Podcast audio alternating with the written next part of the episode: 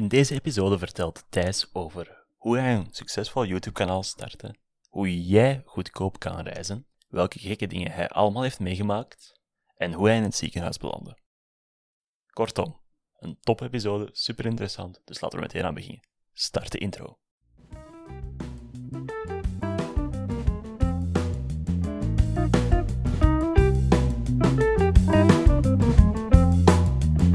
Dit is de Patron Podcast, waar Jan en Dries op zoek gaan naar wat noodzakelijk is om een rijk leven te leiden. Ondernemen, investeren en lifestyle design komen allemaal aan bod in deze gemoedelijke podcast.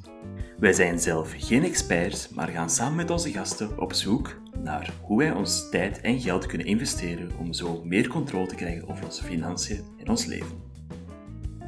Welkom bij de Patron Podcast.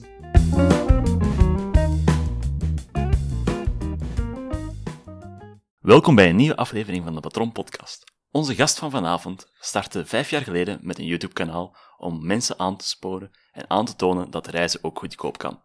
Samen met zijn vrienden Paddy en Lena testen ze hoe ver ze konden reizen op 1000 dollar in verschillende werelddelen. Wij waren grote fan en we zijn duidelijk niet alleen. Op dit moment heeft het kanaal 113.000 abonnees en miljoenen plays. Wij zijn ook zeer dankbaar dat Thijs de Wachter vandaag al zijn ervaring met ons komt delen. Welkom. Dankjewel. Dankjewel. Dries en Jan, ja. De Patroon Podcast. Ik ben blij dat ik jullie heb eh, leren kennen eigenlijk en dat jullie mij hebben gecontacteerd. Gecontacteerd eerder. Ja, en eh, om over eh, reizen te praten. Een van mijn meest eh, gepassioneerde Onderwerp. onderwerpen inderdaad, waar ik eigenlijk uur- uren kan over vertellen. Maar eh, Dat is ideaal. Ideaal voor een podcast. Ja, zeker. Ik ben, ik ben ook heel benieuwd. Ik ben nog nooit voor een gast zenuwachtig geweest. Maar nu echt, echt wel... eh, Ah, serieus, want ik ben ook wel eigenlijk zelf zenuwachtig voor... eh, ik ben het gewoon van voor eh, YouTube-video's te maken, maar eh podcast, zo enkel audio is toch iets anders. En zeker in het Nederlands nu is. Voor, Ja, dat is eh, voor de ik verandering. ben mede Antwerpenaren hier. Ja. Het was eh, zeer blij dat we zagen ineens, ah, die, dat top YouTube-kanaal, die, er zit een Vlaming bij. Dat is ideaal voor een podcast. Ja, zot hè. Ik word, daarmee ik verschiet ervan om gecontacteerd te worden door Belgen. Normaal Ja. worden wij gekeken door Amerikanen, Australiërs, maar in België word ik amper herkend of zoiets. Maar... Ja. Het leeft hier misschien nog niet zo echt, maar ik vind het toch wel tof. Ja, dus eh, voor de luisteraars die het kanaal nog niet gezien hebben van The Budgeteers, sowieso aan te raden, als je zoiets hebt doorheen deze aflevering van Thijs, dat is een topmens. Je kunt eens effectief live zien, op YouTube zien, wat... Ah, merci, merci. Ja. Want eh, Ja, zeker aan te raden voor Ja, mensen wel. die interesse hebben in reizen en dergelijke. Ja, zeker. eh, en ik heb de laatste in Sri Lanka vond ik echt een hele, hele toffe ook. Ja, dus als je er een bekijkt, begint dan ten die. Dat is echt een hele leuke. Aanbeveling van Dries. We zijn inderdaad over dat YouTube-kanaal begonnen. Dus, eh, ik weet niet van waar kwam de insteek van bij jullie van oké, we gaan een YouTube-kanaal maken over reizen. Ah, wel. eh, ik was al altijd al super geïnteresseerd in reizen. eh, en ik was zelf zo wat reisvloggers aan het volgen. Wat is het al ondertussen? Bijna tien jaar geleden of zo. Mhm. Zelf een beetje gespaard en begonnen met reizen. En dan eigenlijk eh, beseft dat alles wat je op YouTube zag van alle reisvlogs toch niet echt zo met de realiteit strijkt. Zeker de, al die reisvloggers dat eh, op zo'n groot budget reizen en zo glamoureus eh, alleen maar van de watervallen springen en eh, van ene chique bestemming naar de andere en alles wat ertussen zit, knippen ze er mooi van tussenuit. Het is enkel glamour, enkel die eh, mooie witte stranden en voor de rest is het niks. Ik heb gemerkt toen dat ik zelf aan het reizen was, dat het een beetje anders allemaal was. Dus we hadden een YouTube-kanaal dat een beetje de andere, het, andere spectrum van de reizen toonde van wat als ik eigenlijk weinig geld heb en daarmee ga rond, rondreizen. Dat, hadden dat hadden wij een beetje be- belichten. Van wat als je eigenlijk maar 1000 dollar, wat dat ongeveer 800 euro is of zo, hoe ver kun je daarmee reizen? Mhm. Het is een Eh, beetje tegenstelling met het eh, Instagram-leven dat we Oh ja, zien in moderne tijden. Ja, absoluut, absoluut. Dat is echt absurd. Die- de- alles voor de Instagram doen. Wat dat je veel natuurlijk toekomt. Hè. Mensen zijn op reis, mensen zijn een wereldreis en het beeld dat ze naar huis willen zenden is van kijk hoe fantastisch het leven is. Dat is niet zo eigenlijk. Als je een wereldreis gaat maken, je komt ook wel momenten tegen dat je, moet het zeggen, wel wat challenges hebt. Maar ja, het zijn net die momenten dat het ook wel tegelijkertijd mooi maken. En ik vind dat je dat wel een beetje een serieus verhaal moet... Allee, dat je dat wel serieus naar al de mensen moet zeggen dat je ook gaat reizen. Want het is Ja. vooral ook eh, de zin dat ik kreeg wanneer ik eh, op, op eh, solo aan het wereldreizen was van, ah, maar jij kunt reizen omdat je... Jij, allee, of jij zit die reis aan het doen omdat je, je moet, je moet wel veel geld hebben om dat te reizen, om zoveel, om daar te zijn. Mhm. Ik had zoiets van, oh nee, verre van. ik, heb, ik heb amper gespaard eigenlijk. Ik zit er eigenlijk super hard op te werken om dit te kunnen veroorloven. Ik kom veel tegemoet op het vlak van comfort of zo. Dus ik leef hier alles behalve comfortabel. Op dat één jaar, denk ik, eh, waar ik, een, eh, ik ben gestart eh, met naar, eh, een ticket te kopen naar eh, Nieuw-Zeeland. Mhm. En op zich, voor, omdat we het over budget hadden, Ah, en de financiën ben gestart met een budget van... eh, ik had iets van spaargeld van 3000 euro. Wat Dat is inderdaad niet hetgeen wat mensen verwachten. Als dat is van, ja, eh, ook niet echt aan te raden dat je dat misschien daarmee vertrekt, maar eh, op dat moment was dat misschien wel eh, het beste budget om toen mee te starten, want ik, werkte, ik was toen net afgestudeerd. Ik had toen ik had, eh, game design in Kortrijk gestudeerd en ik dacht van, weet, iedereen zegt als je afstudeert, trouwens voor alle studenten, niemand bereidt u voor wat er eigenlijk altijd gebeurt na uw studies. Iedereen zegt altijd, ga direct zoveel mogelijk eh, bedrijfservaring opdoen. Dus ik had die raad gevolgd. Ik dacht van, kom, kan je in bedrijven werken, wat ervaring opdoen. Ik had in een masterstudio gewerkt, dan even bij Studio 100. Zo stages, eh, interimcontracten. Je kent de hele race man dingen dat je moet doen om als student te bewijzen dat je ergens wilt binnengeraken. Dus je doet dat. En op een gegeven moment, ik wou altijd gaan reizen en ik dacht van, na mijn studies ga ik gaan reizen. Dan, wanneer ik mijn ervaring heb gehaald, dan zal ik gaan reizen. Dus je, je schuift dat altijd een beetje voor je uit. En dan ineens zeiden ze bij Studio 100 van, ah, we willen je een vast contract geven. Wat dan normaal elke Belg zou super vinden. Iedereen van, ah, nice, ik heb hier... eh, Jackpot. ja, ik kan hier dan... eh, en dan was bij mij even de, de knop van, oh nee, ik mag dat contract niet aanpakken, ik moet gaan reizen. Eh, op die moment had ik nog maar 3000 euro gespaard, maar ik had zoiets van, ja, als ik hier nee tegen zeg, dan moet ik wel vertrekken. En op die moment heb ik gewoon gezegd, van, oké, maand later, ik ga mijn ticket gewoon kopen en ik zal gewoon een wereldreis beginnen. In Nieuw-Zeeland dan. In Nieuw-Zeeland, ik dacht, kom, laten we gewoon direct met het verste land ter wereld beginnen. Dat is echt de, de raadsel erachter van, oké, wat is het verste dat ik nu kan vragen van eh, Studio 100, Nieuw-Zeeland? Oké, let's do this. Of is dat Wel, eh, ik had echt geen ervaring met wereldreizen. Misschien met andere mensen. Dus ik kan misschien, voor persoonlijk, met al die mensen dan misschien nog geen ervaring. Ik had hier in Europa wel gereisd, maar als kind eigenlijk totaal niet zoveel. En ik had nog een paar keren maar op een vliegtuig gezeten, maar dat was altijd zo even een Ryanairtje in Europa. Dus niet de lange vluchten rond de wereld. Dus ik dacht van, mm, wat, wat zou een land kunnen zijn dat misschien wat instap klaar is voor, voor de wereldreizigers, waar ze misschien nog geen Spaans of eh, eh, alle andere Aziatische talen waar, eh, waar je niet zo rondkomt. Dus ik dacht van, Nieuw-Zeeland, eh, ze spreken daar Engels, ik versta wel Engels, ik spreek wel Engels, dus dat zal misschien wel lukken. Dat was ook nog een redelijk klein land, zo, ah ja, dus Ja. ik dacht, laten we daar beginnen en zien waar we komen. Oké. is cool, want dat staat inderdaad niet, in mijn hoofd niet bekend als een van de goedkopere landen. Het is wel Nee. inderdaad, heel veel backpackers beginnen in Australië Ja. of Nieuw-Zeeland, maar inderdaad, de taalbarrière een pak lager ligt.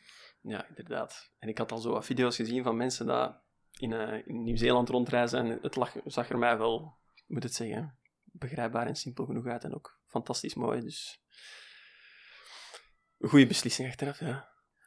Dus, En wat ik er mij ook al- altijd een beetje bij afvraag, eh je bent nu bezig over eh, Australië, zitten daar ook, want de budgetiers, je bent met drie, zitten daar ook in Nieuw-Zeeland de rest van de budgetiers tegenkomen, of is een heel ander? Wel, dat, is een, dat is een proces geweest van een jaar. Ik ben zo in eh, Nieuw-Zeeland begonnen, daar echt op een mini-budget rondgereisd, heel Nieuw-Zeeland rondgelift. Tegen dat ik het einde van Nieuw-Zeeland had gezien, was mijn budget nog maar verop. Ik had nu nog maar een 700 euro over. Daarmee naar Sydney eh, gevlogen. En daar had ik een working holiday visum. Dus visum waar je ook mee mag werken. Omdat ik gehoord dat daar in Sydney toch wel veel jobs te vinden waren, wat een beetje tegensteekt in in Nieuw-Zeeland dat daar niet zoveel werk te vinden is, zeker toch niet voor buitenlanders. Dus ik dacht van, ik heb nog maar 500 euro over, laat ik hier eh, een vlug wat werk vinden. En daar dan ehm, nog een heel jaar zo rondgereisd om door overal wat te werken. Verschillende, alle, alle grootste kutjobs dat je je kan inbeelden. Maar heb ik wel benieuwd. Wat, voor, dat zijn vaak eh, landbouw en zo dergelijke. Ja, niet? Eh, wel, ik ben eerst in Sydney begonnen zo als, eh, als bouwvakker, maar dan echt als opruimer. Dus echt zo muren slopen, zwaar fysiek werk in, in de tuin. Ik heb echt hele dagen liggen schuppen. Alleen de pakkende zon van Australië, kunt je inbeelden. En dan ook als afwasser nog even na de uren zo in het hostel zo mee de keukenshiften meedraaien. Wat op zich wel goed is, want eens dat je daar wel... Allee, het is kutwerk, maar je verdient er ook wel goed voor. Ik denk veel meer dan je hier zou doen. Ik denk dubbel zoveel als dat je hier zou doen. Toch zo'n zekere... Toch, dat was toen 22 dollar, misschien zelf nu 24 dollar per uur, wat dan misschien 18 euro per uur is of zo. Kopen dat. Mooi cash polken. dus dat kan je dan direct uitgeven. En dan kan je daarna het werk gewoon naar het strand. Dus dat is eh, op de duur ben je ook wel... allee, mooi leven uiteindelijk. En dan zo, ja, tot eh, verder helemaal tot in het noorden, eh, in Bowen, voor eh, landbouw. Als je een visum wilt verlengen, moet je eh, 88 dagen werken in de landbouw. Ja, ik had zoiets gelezen, inderdaad. Mee eh, fruit gaan plukken en eh, we hebben daar vooral meloenen en paprika's geplukt. En daar ben ik een andere reiziger tegengekomen. We zaten daar met 200 in een hostel. Zo'n werkhostel. Echt gigantisch veel mensen. Klinkt vreselijk eigenlijk. Klinkt Ja. half vreselijk en tegelijkertijd ook prachtig. Het is echt, ik kan het eigenlijk iedereen aanraden dat ze even iets zot wil doen. 200 mensen ergens in de middle of nowhere in een, in een hostel en dan allemaal gigantische verschillende jobs werken. Dus het is tegelijkertijd de hel, maar tegelijkertijd ook maakt ook vriendschappen voor het leven. Ja, je zit er Eh. ook allemaal natuurlijk wel op eenzelfde leeftijd met hetzelfde plan op lange termijn. Ja, ja, en dat is eigenlijk het inspirerende inderdaad. Van, en allemaal inderdaad aan het werken voor een, voor een doel van, ah, wij willen... Dus iedereen wou er ook geld verdienen voor ver, verder te reizen. Dus dat maakt wel dat je, moet zeggen, ja, veel... En in die plaats zijn we dan op het inspirerende idee gekomen van eigenlijk wat, alles wat dat we zien op YouTube van reizen, geeft dit niet weer wat dat we hier nu zien. Van al die mensen dat eh, een beetje alle eindjes aan elkaar knopen en hard werken om toch wat eh, te kunnen reizen. En het is met dat spaargeld van acht, al bijna 100 dagen daar te werken, dat we hebben gezegd van kom, we starten een YouTube-kanaal en we gaan bij 1000 dollar niet in Australië reizen, maar we zullen even naar Azië overvliegen, naar, eh, naar Bali. Zelf toen was nog het vliegtuigticket inbegrepen. Eh, dus we hebben dus voor 800 euro zijn we naar Azië gevlogen en hebben daar 70 dagen rondgereisd. All in. 70 mei, 1000 dollar. Ja, ja. Ja, Dries heeft duidelijk die aflevering niet gezien, maar ik heb die wel gezien. Omdat ik, ik heb ook wel een deel van de, van de route ook gezien, waar ik zelf ben geweest, ook, Ah, ja, ja. in Thailand en zo. Dus daarmee, eh, zeer interessant ook voor te ja, zien. we zijn wel Een dus... heel andere blik als dat ik gereisd heb. Ook al was het Ah, bij ja, mij ook ja. al eh, vrij to the basics. Dus, eh, jullie zien nog een pak verder, maar Ja, het was echt begonnen zonder plan. Dus we, we waren echt gewoon Bali en dan Kuala Lumpur in Maleisië overgereisd. En eigenlijk gewoon van, vanaf daar gewoon van, oké, welke richting gaan we uit? zo, Alles zonder plan eigenlijk. naar Eh, daar. Het enigste plan was, we zullen gewoon alles filmen zoals we het, eh, zoals we het wat tegenkomen. En dan tijdens de reis ook nog alles filmen en editen en online smijten. Dat is hetgene waar ik heel veel respect voor had. Dat ik zag dat je dat bovenop alles aan het doen Dat- bent. Ja, dat is eigenlijk ook het, hetgene wat we in de tweede reeks hebben moeten schrappen, omdat het gewoon echt te crazy was. Want echt, ik, ik was tot, tot vier uur s'nachts aan het editen, s'nachts.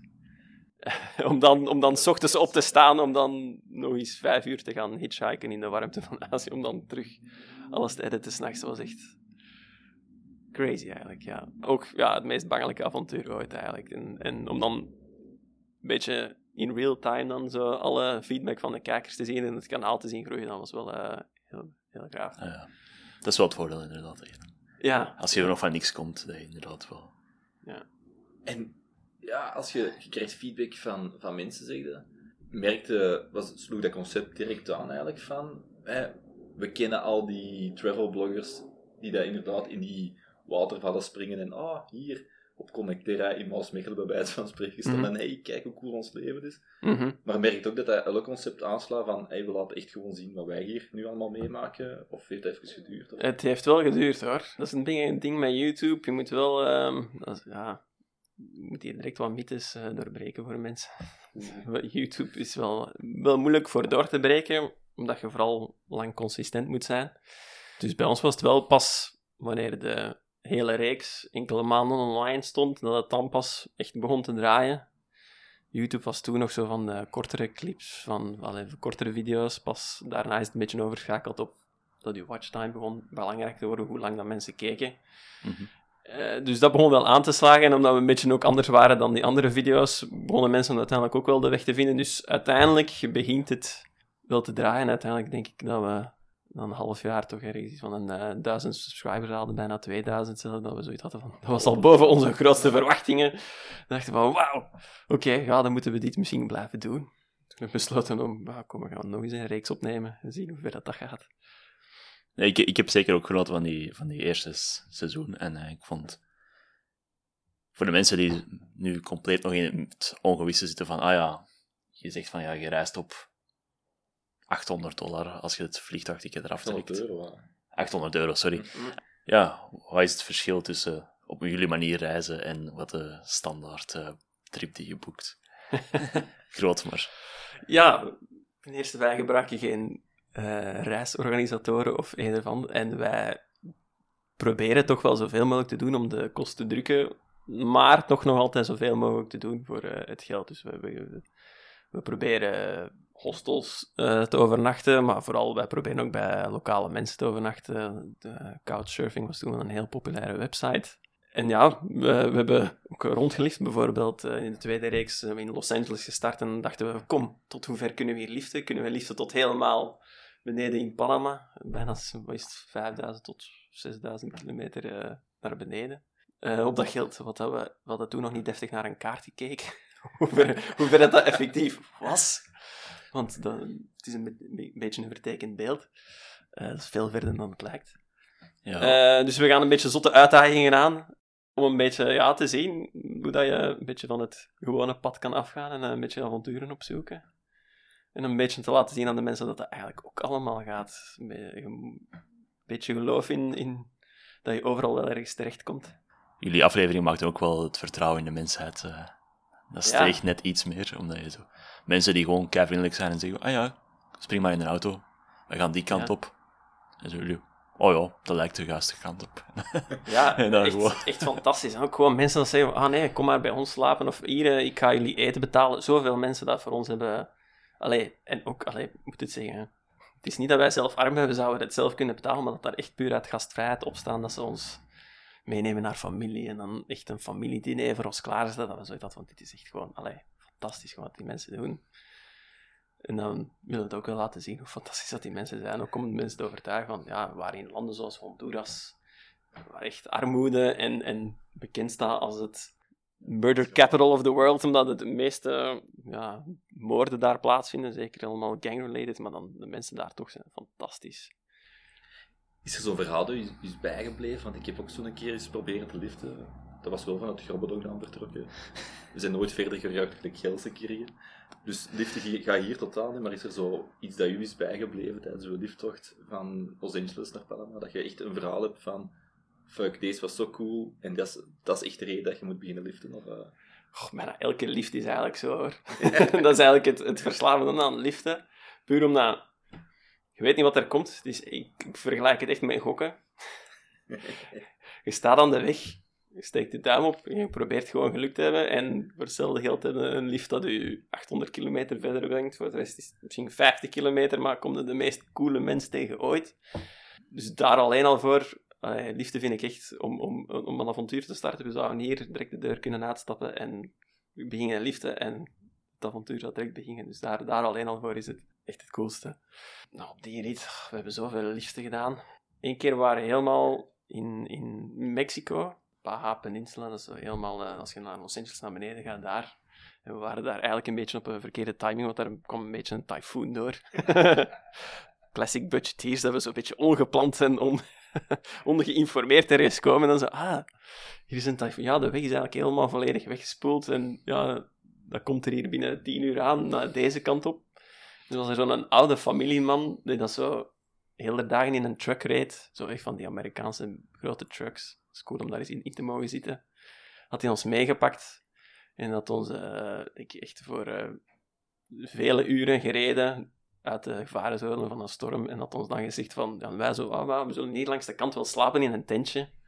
En die had toch voor ons eh, een, eh, een motelke, een, een kamer eh, gehuurd voor ons. Stond erop dat we dan toch ergens met een, eh, een stenen dak boven ons hoofd hadden die nacht.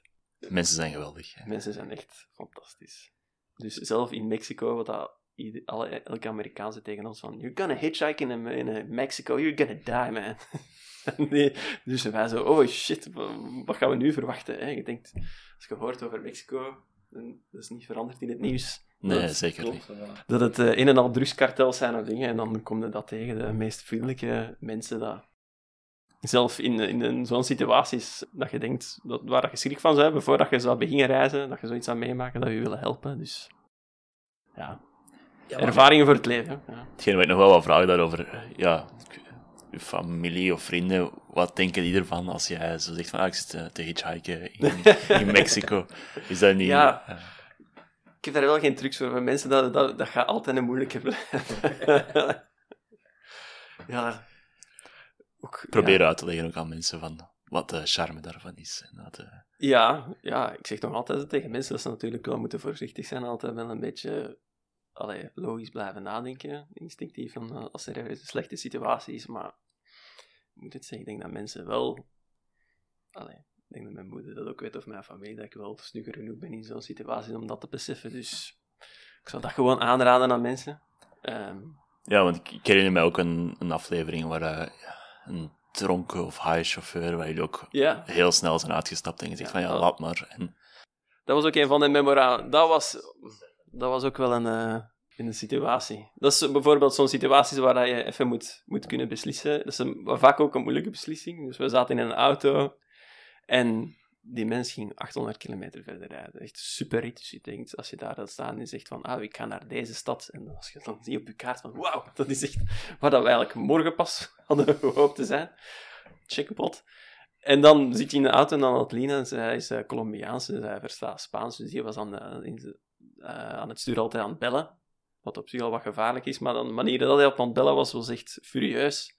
Hoorde, hoorde zij dat eh, hij de nacht ervoor overvallen was. Hij in de auto ingebroken, had zijn laptop gestolen. Ik denk dan mee met die mensen, ah shit, dat is inderdaad wel erg, oei. Dat had hem ook al de nacht niet geslapen, want ja, dat had allemaal problemen voor zijn werk. En dan ehm begonnen al wat minder te rijden en dingen. En Echt, eh, ja, alles begon ze tegen. Ze begon ook een ruzie te hebben met zijn vrouw aan de telefoon. En dan, en dan waren we door heel, ehm moet ik zeggen, ja, windy roads aan het rijden, waar het wat, technisch wat moeilijker was, wat totaal niet aan het opletten was. En dachten we, oké, dit is misschien het moment dat we moeten zeggen tegen die kerel dat hij ons toch mag afzetten aan de volgende tankstation. Dat is even moeilijk, maar ja, op zich moet je soms wel leren wat... En hoe verloopt dat gesprek dan met die mensen? Van, ja, weet je nou dat jij ons 800 kilometer verder ging? Ja, ja. Wel, wij willen hier aan deze tankstation misschien wel afstappen. Ja, dat is, dat is ongemakkelijk. Ja, die mensen bedanken, maar toch op die moment... We hadden ook hem ook aangeraden van, kijk, ga even, stop even, ga even slapen, want dit is... eh, dit is maar ja, we hadden dit toch niet naar luisteren, dan is het toch wel even een ongemakkelijk moment. Maar ja, dat is wel even... Dat, zoiets moet je wel leren, denk ik. Het is een ongemakkelijk, maar achteraf ben je daar wel opgelucht. Wij waren alleszins opgelucht dat we toch even terug met onze voetjes. voetjes terug eh, mooi op de vaste begane grond stonden en die eh, aan het racen waren doorheen Mexico. Dus sommige, sommige, sommige keren moeten we wel even ja, die ongemakkelijkheid aangaan. Is, eh, ja, het slaagt altijd een beetje tegen dat, maar het moet ook kunnen. Ja, weet je, er zijn belangrijkere dingen in het leven. En eh, liefst heel hard thuiskomen is nog Ja, altijd... eh, ah. Ik gaat dat prioriteit nummer 1 is dan wel. dan. ja. Ja, eigenlijk, eh, wat ik me eigen afvroeg, je hebt, je hebt nu jullie vertellen over de trip van Los Angeles naar Panama, maar je hebt ook al India aangedaan, je hebt Sri Lanka aangedaan, je hebt Bali en Zuidoost-Azië. Wat maakt nu echt zo... Wat maakt dan nu eigenlijk een budgetiersbestemming? Aan welke voorwaarden moet dat voldoen? Of dat gewoon altijd... We hebben goesting om naar geen rechter te gaan, let's do it, we gaan naar geen rechter. Ja. Goeie vraag, inderdaad. Daar denken wij ook vaak echt heel hard over na, want wij proberen wel een beetje een ander concept te doen. Andere YouTube-vloggers die reizen constant. Heel hun leven is eigenlijk hun, hun reis. Wij reizen voor enkele weken, een beetje afhankelijk van hoe lang we hopen ermee rond te komen als iets, maar toch, eh, toch zeker één of twee maanden. Dus wij, plannen, hopen dan toch wel ergens een, een bestemming waar we denken van, oké, daar kunnen we misschien een mooie route doen, of... Allee, het is niet dat we veel plannen. dat- we doen liefst dingen ongepland. Maar zelf waar iets waar we vooral zelf interesse in hebben, en dan vooral belangrijk een uitdaging. We zoeken vooral in een bestemming een soort van uitdaging. Iets waar we de hele reeks door aan kunnen uitleven. Ons budget is toch allee, sowieso de grootste uitdaging, maar dan, dan nog eens een, een uitdaging daarnaast om te kunnen doen. Dus eh, ja, serie 1 hebben we alles gedaan, maar vooral serie 2 was dan liften. Serie 3 in India wa- wouden we vooral alles met lokaal transport doen. Dus echt in India de cheapste, maar de cheapste treinen pakken, bussen, alles met de locals te doen. En dan in serie 4 in, eh, Sri Lanka was met een tuk-tuk heel Sri Lanka zo rondrijden. Dus er is vooral iets van unieke uitdaging dat we...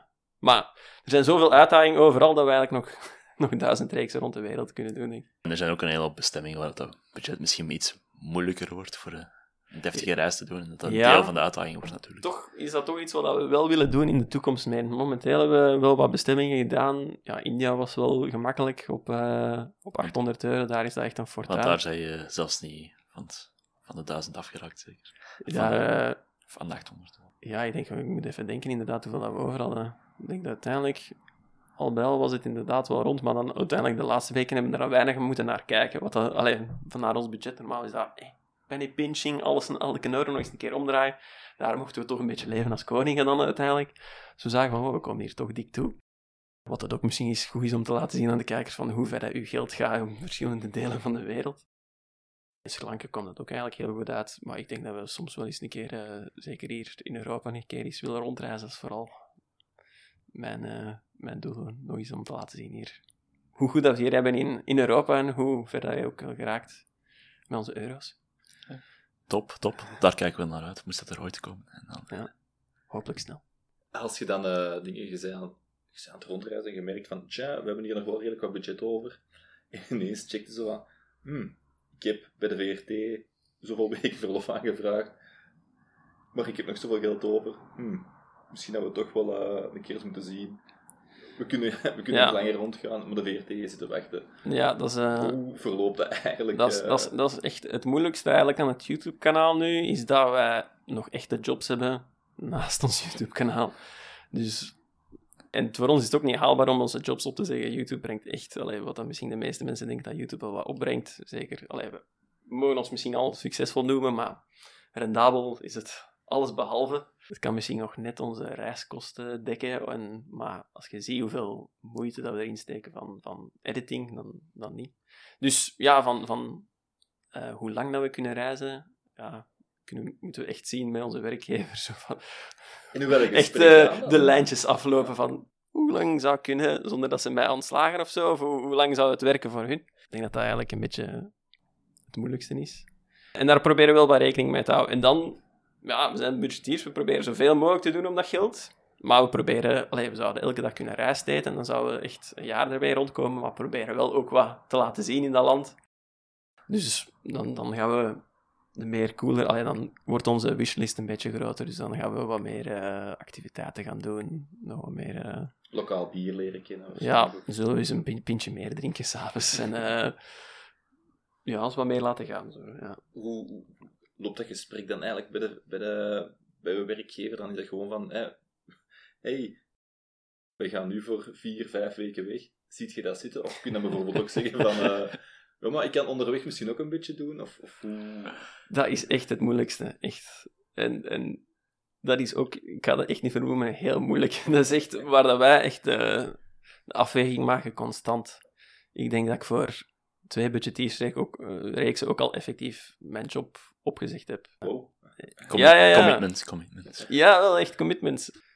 Allee, op die moment was ook wel ja, interim werken, en zeker als we artiest en digital artist, ehm creatieveling, mensen zullen dat wel weten, is het al zo wat halftijdelijk en interim contracten en dan zet je voor een project. Dus uiteindelijk plannen wij onze, onze reizen dan eigenlijk een beetje na een project, zodat je eigenlijk al gewoon dan enkele maanden weet dat je even zo kan ja, een Ja. beetje een pauze. En zo, zo kan ik misschien wel aanraden voor mensen die willen, denken, ah, willen gaan reizen, is van schakel misschien niet al je projecten direct achter elkaar in, plant daar even ruimte in en dan kun je daar eh, er even van tussenuit. En met even bij ons is dat enkele maanden. Ja, nee. Het kan ook interessant zijn voor, inderdaad, voor mensen die een nieuwe job gepland hebben. En zo, oké, ja, nu even gewoon iets Ja. vroeger stoppen, met iets vroeger uw ontslag indienen en gewoon ja, een paar maanden tussenin reizen. en ik moet in, werkgevers staan er ook wel voor open hoor. Ik Dus als je moet vooral heel goed zijn met je planningen en de communicatie daarover en dat vroeg genoeg beginnen. Ik weet, het is eigenlijk super gemak- ongemakkelijk om te gaan zeggen tegen een nieuwe werkgever zo van ja, ik zou eigenlijk super graag komen werken, maar ik heb ook nog, wat moet zeggen, ja, vakantie gepland, maar eerder, ja, moet upfront zijn over je, timing zelf. En ehm, ik denk als je daar open genoeg over bent, dat direct meegeeft, ook in e-mails en zo, van wanneer dat je eigenlijk beschikbaar bent. Dan, kunnen ze dat ook meenemen in hun planning en dan is dat eigenlijk wel te doen. Klinkt een beetje counterintuitive om dan te zeggen van ah, ik wil graag komen werken, maar het zal later zijn. Maar toch gaat het. Zijn er bijvoorbeeld ook mensen dat zeggen van, of werkgevers dat zeggen van, ja, we hebben graag dat jij bijvoorbeeld de derde maart begint, maar de derde maart zijn we aan het reizen. Zijn er bijvoorbeeld dat zeggen van, zeg maar, ik hoor dat je eh, tijdens die reizen ook al een keer durft te werken. Dat, dat ze zo iets zeggen van, begin maar tijdens je reis al te werken. Gelijk een digital nomad als het ware. Dat zou wel de droom zijn eigenlijk. Daar zou ik wel naartoe willen werken.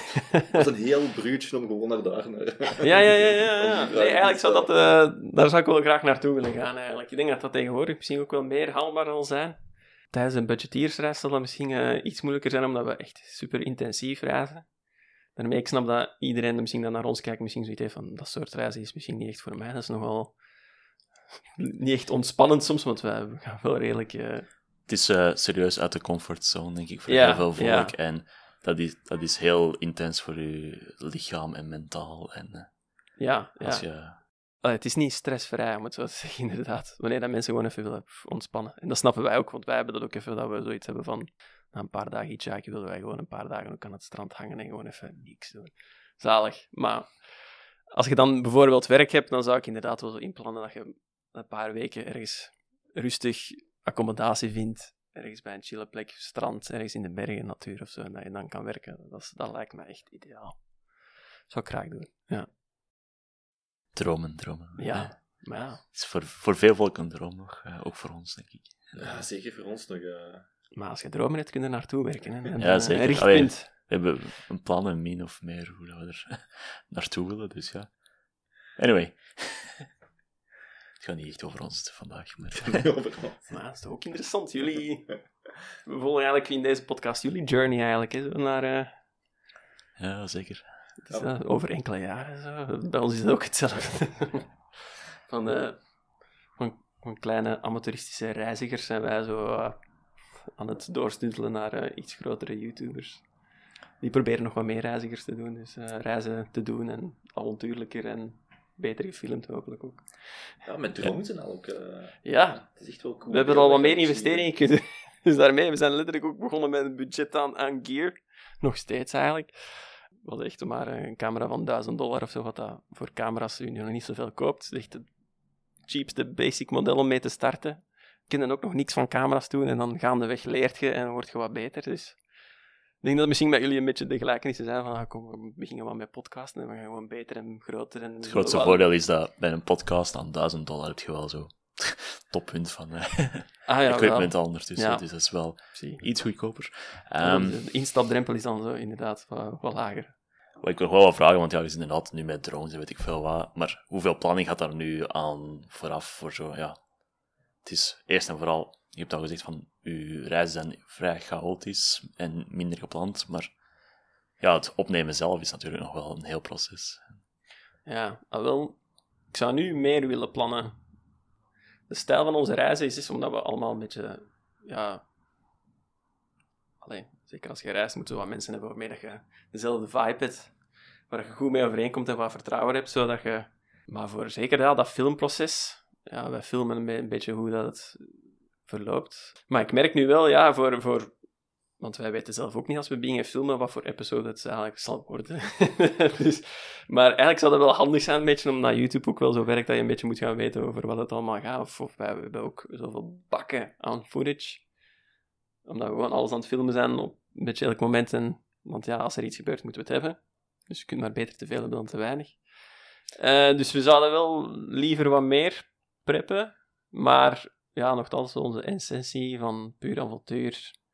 Ja, dat, dat toont ook wel in de episodes dat je, oké, ja, het is, het is zoals het echt gebeurd is. Het is weinig Ja, gepland en dat is, oh ja, de beperkte ervaring die ik Ja. zelf heb met reizen, die jij ook hebt, eh, voelde heel natuurlijk aan. En veel minder Ja. als inderdaad de overgeplande Instagram, dit is de Ja. highlight, dit Ja. weet ik veel wat. Die weten welke spot dat ze willen zijn, ze weten welk shot dat ze willen, ze gaan daar al drie uur voor aan staan om zo de perfecte drone shot. Perfecte zonsopgang ja. of ondergang. Ze hebben al, eh, de vriendin van de, de vlogger heeft al een perfecte bikini gekocht om dan daar op dat strand zo te staan en dan zo. Ja, eh, dat doen we dus inderdaad niet. Maar we merken wel, als we onze production value ook wat hoger willen hebben, dat we inderdaad wat, wat meer moeten gaan plannen. We merken ook dat na, na vijf dagen, zeven dagen filmen, dat we, dat we ook ergens moeten gaan pauzes inlassen, omdat we gewoon fysiek er even doorzitten. Maar dat we tegelijkertijd nog wel zoveel willen filmen, want er, er zijn zoveel coole dingen om te ontdekken daar, dat we zelf ook al weten van misschien moeten we hier wat dingen gaan plannen. Dus daar ben ik nu wel zelf over aan het nadenken van hoe dat we dat gaan doen naar de toekomst toe. Dat is vooral het proces voor de toekomst toe, dat we dat beter gaan aanpakken. Maar ja, altijd, altijd dingen om te verbeteren en eh, aan te werken. Cool om te horen in ieder geval, het Ja. proces daarachter zit. We're, we're learning as we go. Want u gaat wordt, alle video's worden ook voor een deel altijd gesponsord. Niet, al- niet altijd, hè. Laatste, laatste dat- seizoen, denk ik. Ja, dat, en, la- en tijdens de, tijdens de video wordt ook, komt er helemaal ook iets van YouTube op. Dat dat geregeld wordt, of uh, is het daar? Ja, over uitgeld in YouTube. ehm, zoals ik al zei, het is al heel moeilijk om daar iets van geld mee te verdienen. Eh wij proberen toch een beetje onze omkosten van onze reis daarmee te betalen. We proberen toch wel iets van sponsors aan te trekken, want uiteindelijk de ad revenue van video's zelf, zelf wij met over de 100.000 eh, volgers, is dat niet om Ja, uw job eh, te laten vallen. Allee, echt extreem zelf onze reizen te betalen eigenlijk. Dus we proberen iets van sponsors, dat is misschien de grootste inkomst, maar zelf dat is dat eigenlijk is de omkomst van onze reizen zelf nog groter. Dus wij proberen dat. Tegelijkertijd willen we ook niet, omdat we een beetje een, een, een mooie reeks willen maken, zoals een tv-programma dat wat doorloopt, toch zeker iedereen kan binge-watchen. Probeer een beetje de juiste sponsors aan te trekken, maar zelf dan ja, is dat redelijk beperkt. Dus van daar Oh, het zorgt ervoor misschien dat we eens een drone kunnen aankopen, maar daarvoor grotere verschillen als dat zijn er helaas niet. Dus ik denk dat we daarvoor nog moeten groeien om zo wat de next step te kunnen zijn. Ja, dat is wel... Dat is misschien wel goed dat je dat zegt voor mensen ook van een reality check. Dat Ja. ze beseffen van, oh ja, op zich... Het is niet dat jullie honderden video's op jullie kanaal hebben, maar... Het is wel... Oh ja, 100.000 subs is niet... Het moment dat je binnen bent met drie man, want je leeft er ook... Oh ja, het zijn drie Ja, mensen die dat is er het, voor- het leven ook- probleem vooral. We zijn met drie, dus onze kosten zijn ook maal drie.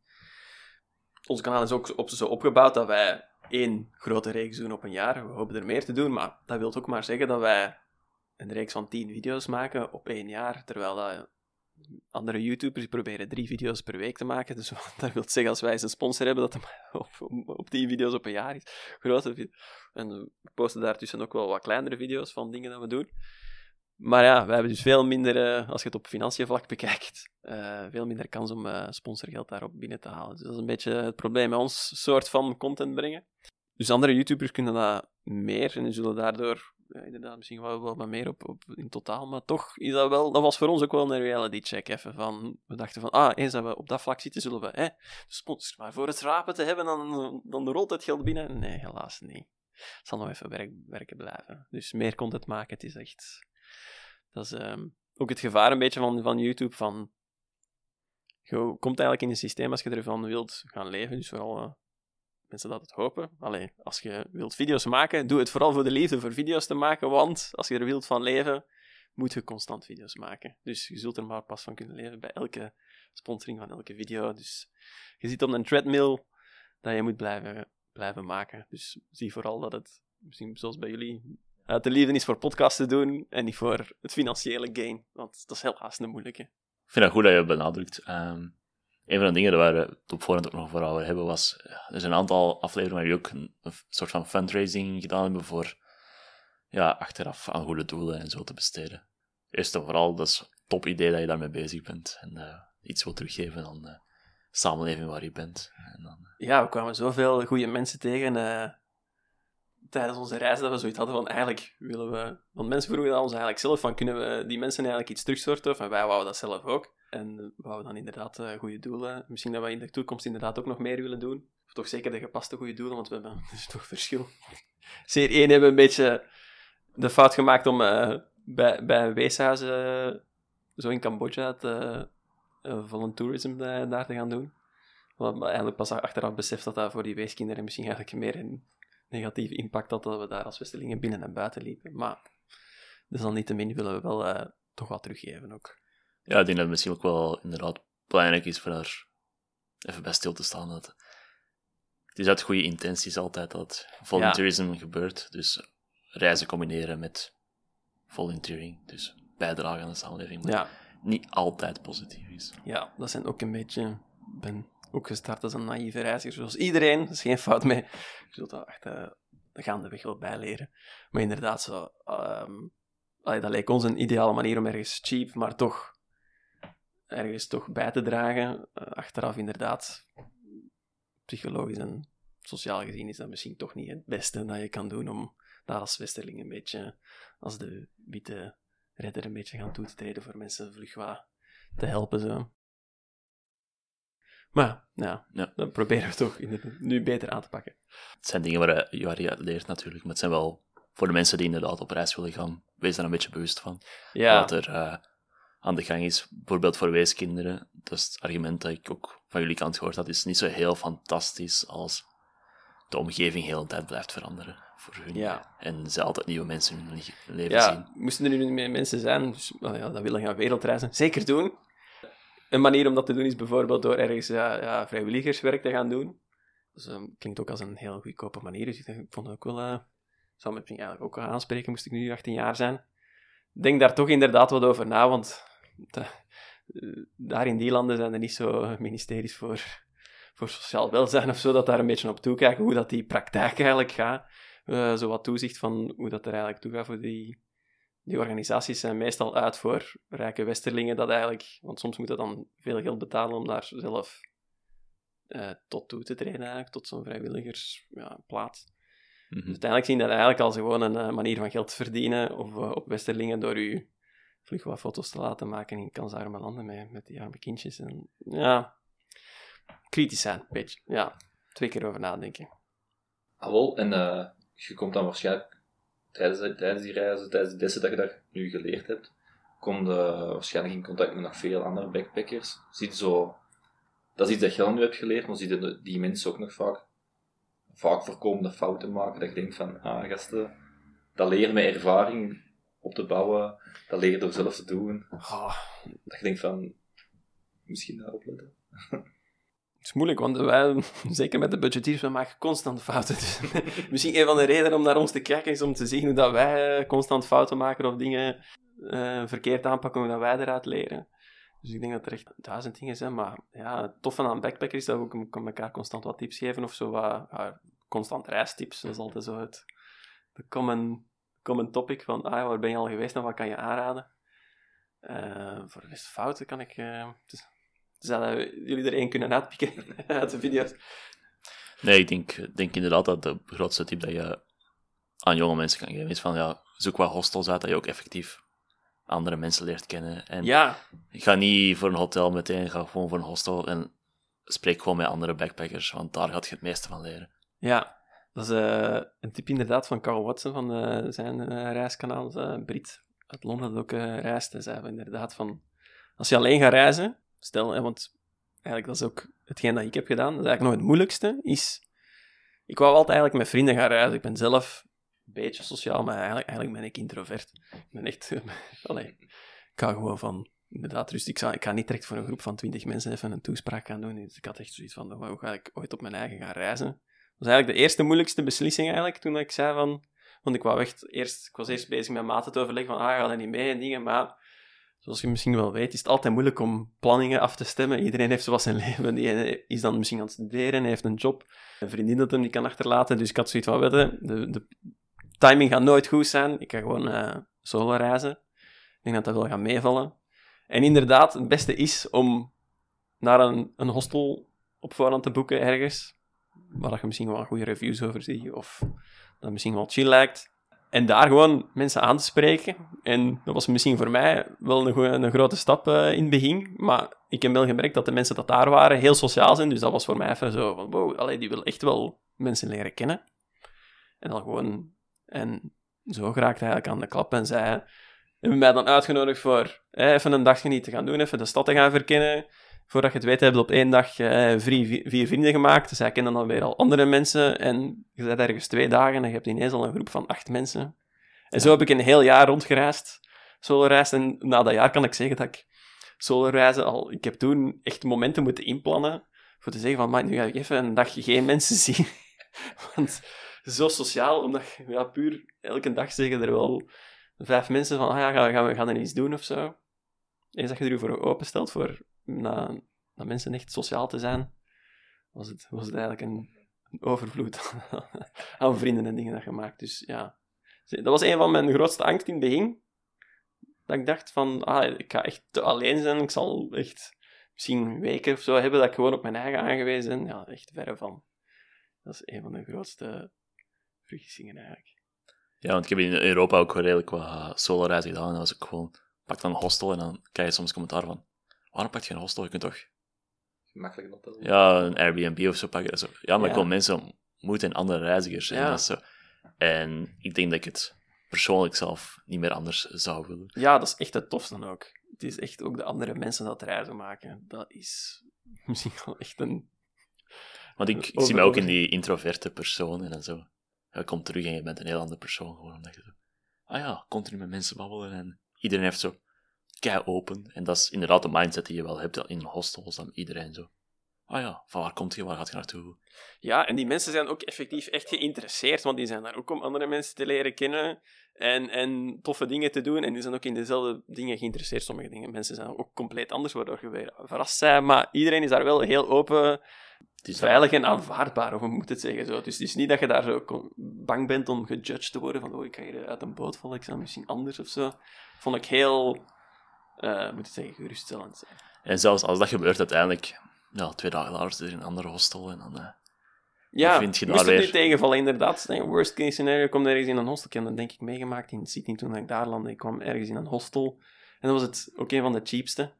Maar dat was dicht tegen een uitgaansbuurt. Dus er waren echt puur mensen dan dat daar kwamen om, om te drinken en te feesten. En die kwamen daar hè, met, met een bende van vijf Britten samen. En die waren gewoon, ja, dag in dag uit aan het drinken, feesten en dingen. Wat dat sommige hostels zijn. Dan, als, je daar, als je daar zin in hebt, ga naar die hostels. Als je daar geen zin in hebt, ik moest toen werken. Dus dat was een moeilijke.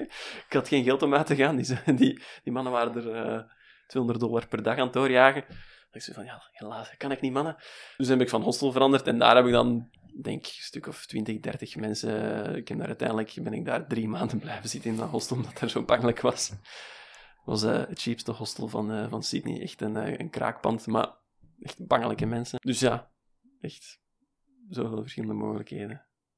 Maar hostels is wel, echt een goede connectieplaats. Wel, ik heb dat gedeeltelijk. En via hostels, maar ook langs de andere kant.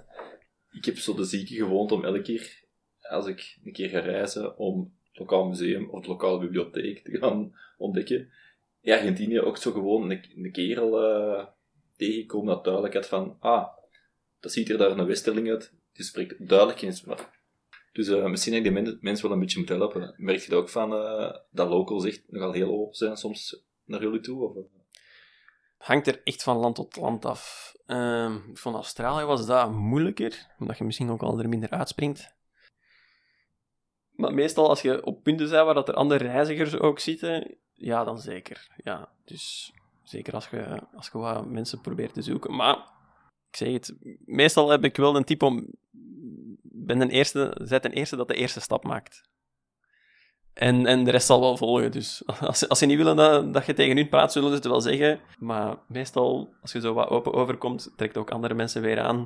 Dat is een beetje de dingen dat ik mezelf ook heb aangeleerd na, na zo al, alle reizen. Is dat als je meestal wat naar mensen allemaal een goede dag doet, dat je echt kleinste dingen, dat je dat er ook... Maar mensen zijn effectief ook in hostels. Ja, ik heb daar inderdaad de chance mee gehad dat ik overal sommige plekken waar ik kom, zeker in het begin, dat mensen altijd heel open waren tegen mij en kwamen vragen. En dat daardoor eh, dat ik wel op, op, op weg zijn geraakt. vraag me ook af, want dat merk ik ook, ook als ik in Oslo ben en ik zeg van, ah, ik ben een Belg, daar heeft iedereen zo al- altijd een andere reactie. Ja. In Argentinië is het van, ah, ken je toevallig eh, de Antwerp voor al die modeontwerpers? Maar als je dan een, een Oh, Amerikaan tegenkomt, is het dan van, ah, ik heb al ooit een duvel gedronken, dus eh, eh, dat is zoiets dat jij vaak hoort, dat je Ja. aan het reizen bent. Is ook zo een duvel, chocola, dat is zoiets helemaal anders dat je... Ja, echt constant eigenlijk. Dat is eigenlijk, daarmee, dat is eigenlijk al het coole. Is van, dat is eigenlijk altijd het standaard gesprek, een beetje in het begin als je mensen leert kennen. Ah, where you from? Oh, Belgium. Oh, yeah, man. Uh, Duvel, I like it. Uh, of uh, Brussels. Of maybe sommige dat mensen al Manneke Pies hebben gezien of zo. Het is altijd zo'n beetje de begingesprekken om een beetje op gang te komen. Altijd super. Beetje, in Australië was dat moeilijk, want daar hadden ze soms nog niet van Belgium gehoord. Dan dachten ze dat dat misschien eh, Belarus of eh, Bulgaria was. Dus dat was soms een beetje raar. Nee. niet? Europe. ja, Somewhere there. Europe, eh, capital Europe, Brussels. Nee, misschien Brussels wel gehoord. Ja. Ja. dat is altijd wat. Ik heb zo, ik heb zo in Uruguay, ik zat daar in Montevideo, ik zeg van, ah, meneer, ik ben eh, van, van, van België. Ah, Belgium, I've been there. Ik vraag dan, ah, waar dat dan geweest? Ja, de militaire luchthaven van Dist. Zeg, what? What? What the fuck, ja? Ah, wacht, ik had wel... In, eh, in India heb ik al gehad zo van... Ah ja, ja, from Belgium. Die zo... Ah ja, ja, ja. En die zo... Ja, eh, die kerel had gestudeerd in Leuven voor... eh, wat was het? Echt in geneeskunde, maar echt eh, voor... eh, ja, neuroscience, echt zoiets. Ja, die had daar nog gestudeerd, maar echt, ik zat in de bergen toen in India en ik zo... Wow! En ook zo andere mensen dat hier nog zo van Antwerpen waren. Zo, ah, ik heb nog in Antwerpen gewoond. Zo. En ineens waren zo... Zo, de wereld is klein. Ja, ja. Ik had... Soms denken ze van, eh, ze gaan België niet weten liggen, en dan ineens weten ze, vragen ze u in welke straat in Antwerpen dat je woont. dat is zo, wow, oké, dit, dit komt ineens heel dicht. Dus altijd voorbereid zijn op van die crazy antwoorden. Top, top. Ik kijk er al uit voor na corona terug eh, Oh de wereld in te trekken. Ja, oh. Het zijn die onverwachte dingen dat je een beetje naar, naar uitleeft. zo. En, ja, daar snakt. Dus zo, echt plekken zien. Hè, hoeft niet echt. Bij momenten is gewoon ja, terug die ervaringen. Ja, van, die, van die mooie plekken kun je foto's nemen en zo, maar van die crazy momenten van personen verhalen, dan, dat, dat zijn wel de dingen dat ja, ja, die, wel echt het langste blijven die plakken. passen een beetje in de video's die jullie proberen, maar ja, de echt spontane, waar je, je hebt niet continu de camera in iemand zijn gezicht. Ja, we proberen dat wel inderdaad, maar ja, allee, het is ook niet vriendelijk naar mensen. Je kent ze vijf minuten en er plakt een camera in hun gezicht. ja, dat is echt jammer. Zelf vind ik, wil ik die dan echt altijd filmen, maar inderdaad, achter de camera spelen daar nog eens, nog eens zoveel andere verhalen af. Ik vind het wel tof dat je, er, dat je eraan had, dat je niet echt zo de, zo de plekken opzoekt, niet de toeristische dingen, maar is dat soms een leidraad van eh zo'n bekend monument of een keer naar, ik weet niet, eh, een of ander speciaal stad, een, een of andere bekende stad. Is dat nog belangrijk in de reis dat je dat doet? Is dat echt gewoon puur de mensen achter eh, de verhalen? Ja, ja wij, De- vinden, wij gaan daar wel zelf op zoek, want wij zien inderdaad... Op YouTube zal het volstaan van bekende plekken, maar die zullen heel positief belicht zijn. En wij hebben dan zoiets van, in de Instagram-manier, wij hebben dan zoiets van, wij zullen het de budgetiermanier even testen. Zien ten eerste van, ja, hoe budgetvriendelijk is het? Ten tweede van, hoe is het eigenlijk in het echt? Want hadden bijvoorbeeld ook de meest cynische trein in Sri Lanka. Oeh, alle Instagrammers zitten erop, prachtige foto's. hè, de, de, the most beautiful train ride in the world. En dan, met zo'n titel zetten ze van, oké. Maar we zullen dat wel eens effectief testen hoe dat in, in de werkelijkheid is. Dus zijn, zijn zo'n dingen... Alleen dan kruipen we daar zelf op om te realiseren dat dat vol boekt is.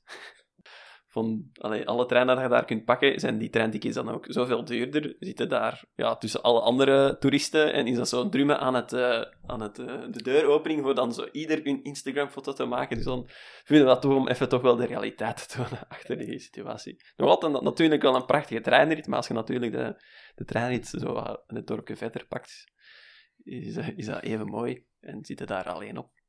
Of als je gewoon met een tuk-tuk rondrijdt rond die wegen, is dat ook gewoon prachtig. Dus we vinden het tof om zo even die mythes wat eh, te doorplukken.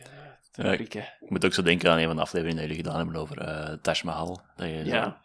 binnen bent geweest waar alle toeristen zitten en dan zo achteraf gewoon op een soort van vlot op de rivier met zicht op het Taj Mahal. ja, En zo, daar de hebben we twee trouwens uitersten. iemand moeten voor zo briben, want hadden... dat is inderdaad super. Ja, wel, inderdaad, Taj Mahal. hè, allee, natuurlijk, sommige mensen vliegen enkel naar India om de Taj Mahal te doen. Die gaan rechtstreeks op een taxi, doen de Taj Mahal en die zijn daar weg. Dus we hadden dat al absurd. We zagen dat echt de tourbussen aan en afrijden, dat puur naar de Taj Mahal gaan. En natuurlijk, dat is... allee, we vonden het ook wel de moeite. Ik er zeker iets binnen gaan, omdat de toegangsprijs was wel stevig. Maar ja, als je daar bent, wil je daar zeker gaan, naar gaan kijken. Maar ja, dat is een oude stad. Daar is zoveel meer te zien. En moet het zeggen, we hebben een beetje het hekeltje om van als, als, een, als een kudde koeien zo wat geleid te worden door alle toeristoperators. Wij zijn zoiets van, ja, maar we willen ook alle rest zien. We zo, het is een prachtig land, we willen eh, ook alle andere kanten zien. Dus als we zo wat, wat rondhoorden en wat zo hoorden van eigenlijk wat er nog allemaal te ontdekken was, zo wat de straatjes er rond, een beetje zo verloren dwalen, komen we wel op zo andere dingen terecht. En we moesten zo via de shop-eigenaar waarmee we aan het praten waren geraakt, had gezegd dat als we hè, iets of wat betalen, dat we wel wat security cards konden omzeilen om dan zo wel om die rivier waar je normaal niet mocht varen, dan toch wel te varen. Dus dat zijn dan zo de dingen dat tof zijn om in Azië wel te doen. Terecht. Dat, dat onthoud je de rest van het leven. Ik denk dat ook gewoon, hetgeen dat je net aanhaalt, van, er zijn mensen die van het ene monument naar het andere en, en vliegen en, Ja. en de bus. Dat is ook de reden dat reizen vaak gezien wordt als vrij duur. Terwijl als je Ja. daar twee, Ja. drie dagen extra zit, wordt dat niet drie keer zo duur. Ja. Ah, dat is trouwens inderdaad nog een heel goede tip. Inderdaad, wij reizen niet inderdaad met een checklist of zo, een bucketlist. Of echt veel mensen, als ze een wereldreis maken en ze willen plannen, dan is echt terecht. Want allee, je kijkt naar die foto's en je denkt zoiets van, ah, Taj Mahal, wil ik gezien hebben. Dus dat staat op je lang lijstje van dingen dat je wilt gezien hebben. Nu, op de duur wordt die lijst misschien zo lang inderdaad, dat je, als je twee weken hebt, dat je inderdaad van monument naar monument naar monument aan het reizen bent, echt in een, in een tempo. En dan ten eerste al word je verplicht om de eh, duurdere bussen of de duurdere treinen of de duurdere vliegtuigen te nemen, waardoor je prijs ook weer omhoog gaat. Wij kiezen dan eerder voor het cheaper te doen, dus meer wat tijd te nemen en nog wat ruimte te laten voor spontane, spontane avonturen. Daar heb ik echt toch, straks nog een strijk gekregen. Dat is in, denk, in de reeks van, eh, van Sri Lanka. Dat je zegt van... Ja, ik had mij op voorhand voorgenomen om... Eigenlijk, minuut 5 zegde, we gaan s'nachts, gaan we niet rijden. Aflevering 1 zitten zo... Oké. Zit u s'nachts door die stad rijden op zoek naar reden, vond ik geniaal. Hè? Ja, echt. Dat was echt de eerste dag dat we reden, inderdaad. Ja, kijk. planning. Dat er, ja, ja, nog maar net met die tuk-tuk leren rijden, dan eh, ja, weer al onszelf compleet overschat dat we ergens gingen op tijd geraken. Eh, en dan inderdaad in middle of nowhere ergens eh, een tentje moeten uitsmijten om dan nog in een dorp waar dan niemand een woord Engels begreep om daar dan eten te gaan bestellen. S'nachts met een tuk-tuk op onverlichte wegen. Echt, oké, ja. Echt top. Dan dacht ik dus van, oké, good first day. Seems about right. nee.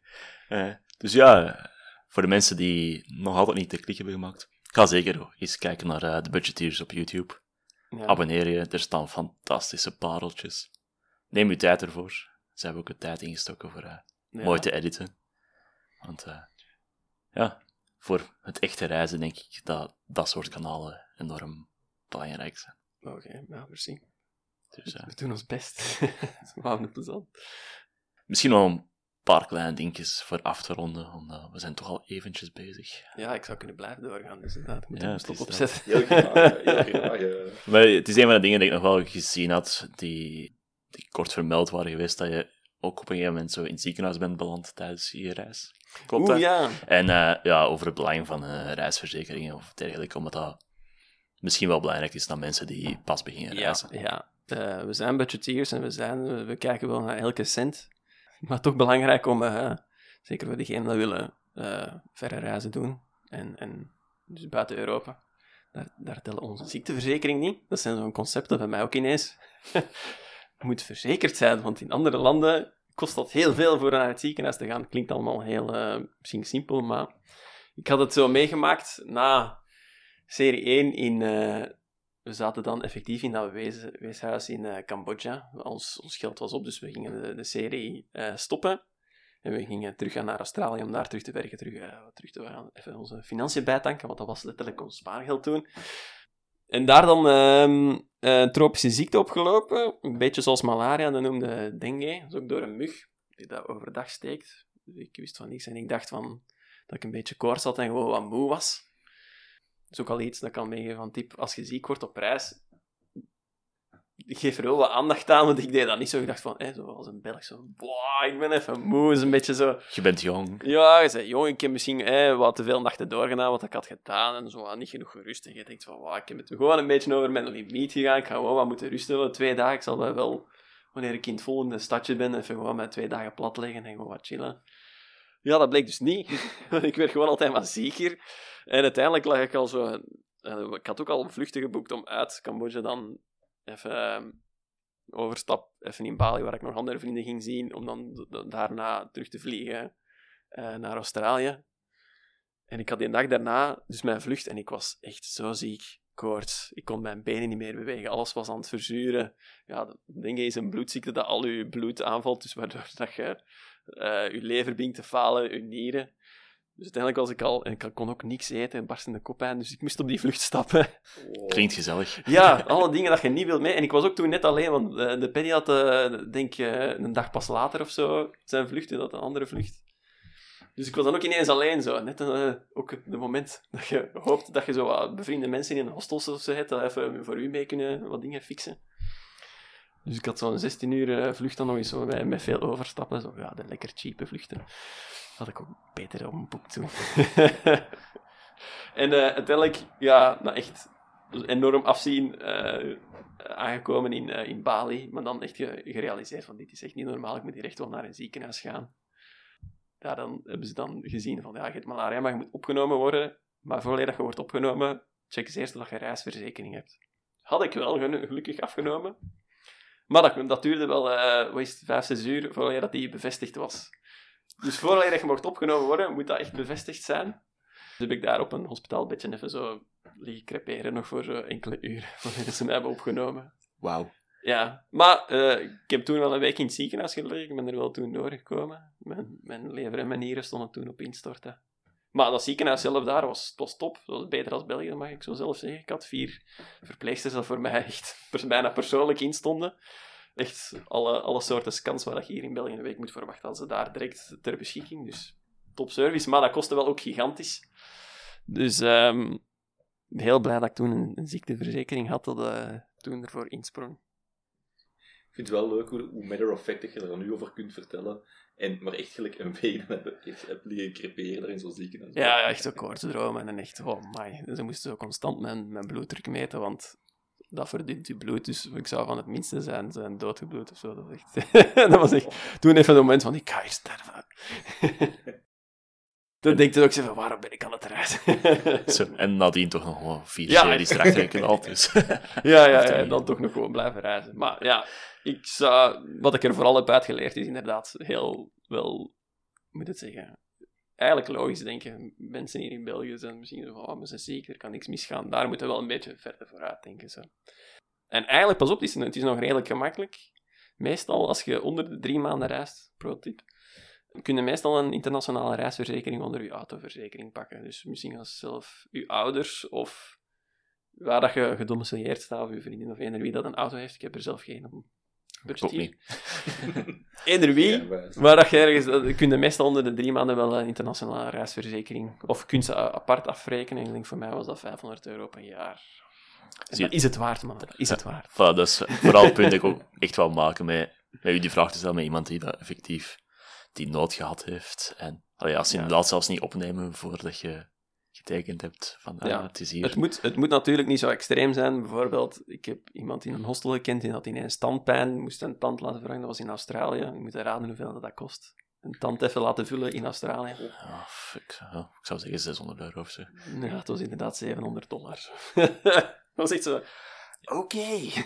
België is goedkoop op dat Ja, op dat vlak is dat een stuk goedkoper. Dus hij had ook allemaal, die waren ook aan het reizen zonder reisverzekering. Dan heb ik zoiets van, kijk, ik ga gaan liften. maar ik heb wel dat, als er dat iets misgaat. Die waren in mijn ogen grotere risico's aan het nemen. Want je moet maar eens een keer een werkongeval hebben en dan staat het daar. Ja, zeker. En inderdaad, als je nog aan het werken bent op, op een werf of zo, dan is het helemaal... eh, Eh, Paddy, mijn- de, de Brit waar, me- waar ik mee mijn reiskanaal heb, dus ik doe het samen met Lina, zij is een Colombiaanse, en dan Paddy, zij is een Brit. Die heeft inderdaad ook eens een, een surfaccident gehad in Bali, op, op, een, op een reef gevallen, en echt zijn hoofd eh opengesneden, zijn pols. Dat zit dan nog, kun je altijd, dat is echt een, een zware actie- eh, dingen. En, eh, en hij is toen van Bali overgevlogen naar, was het Singapore of Hongkong? Voor echt een, ik denk Singapore dat het was.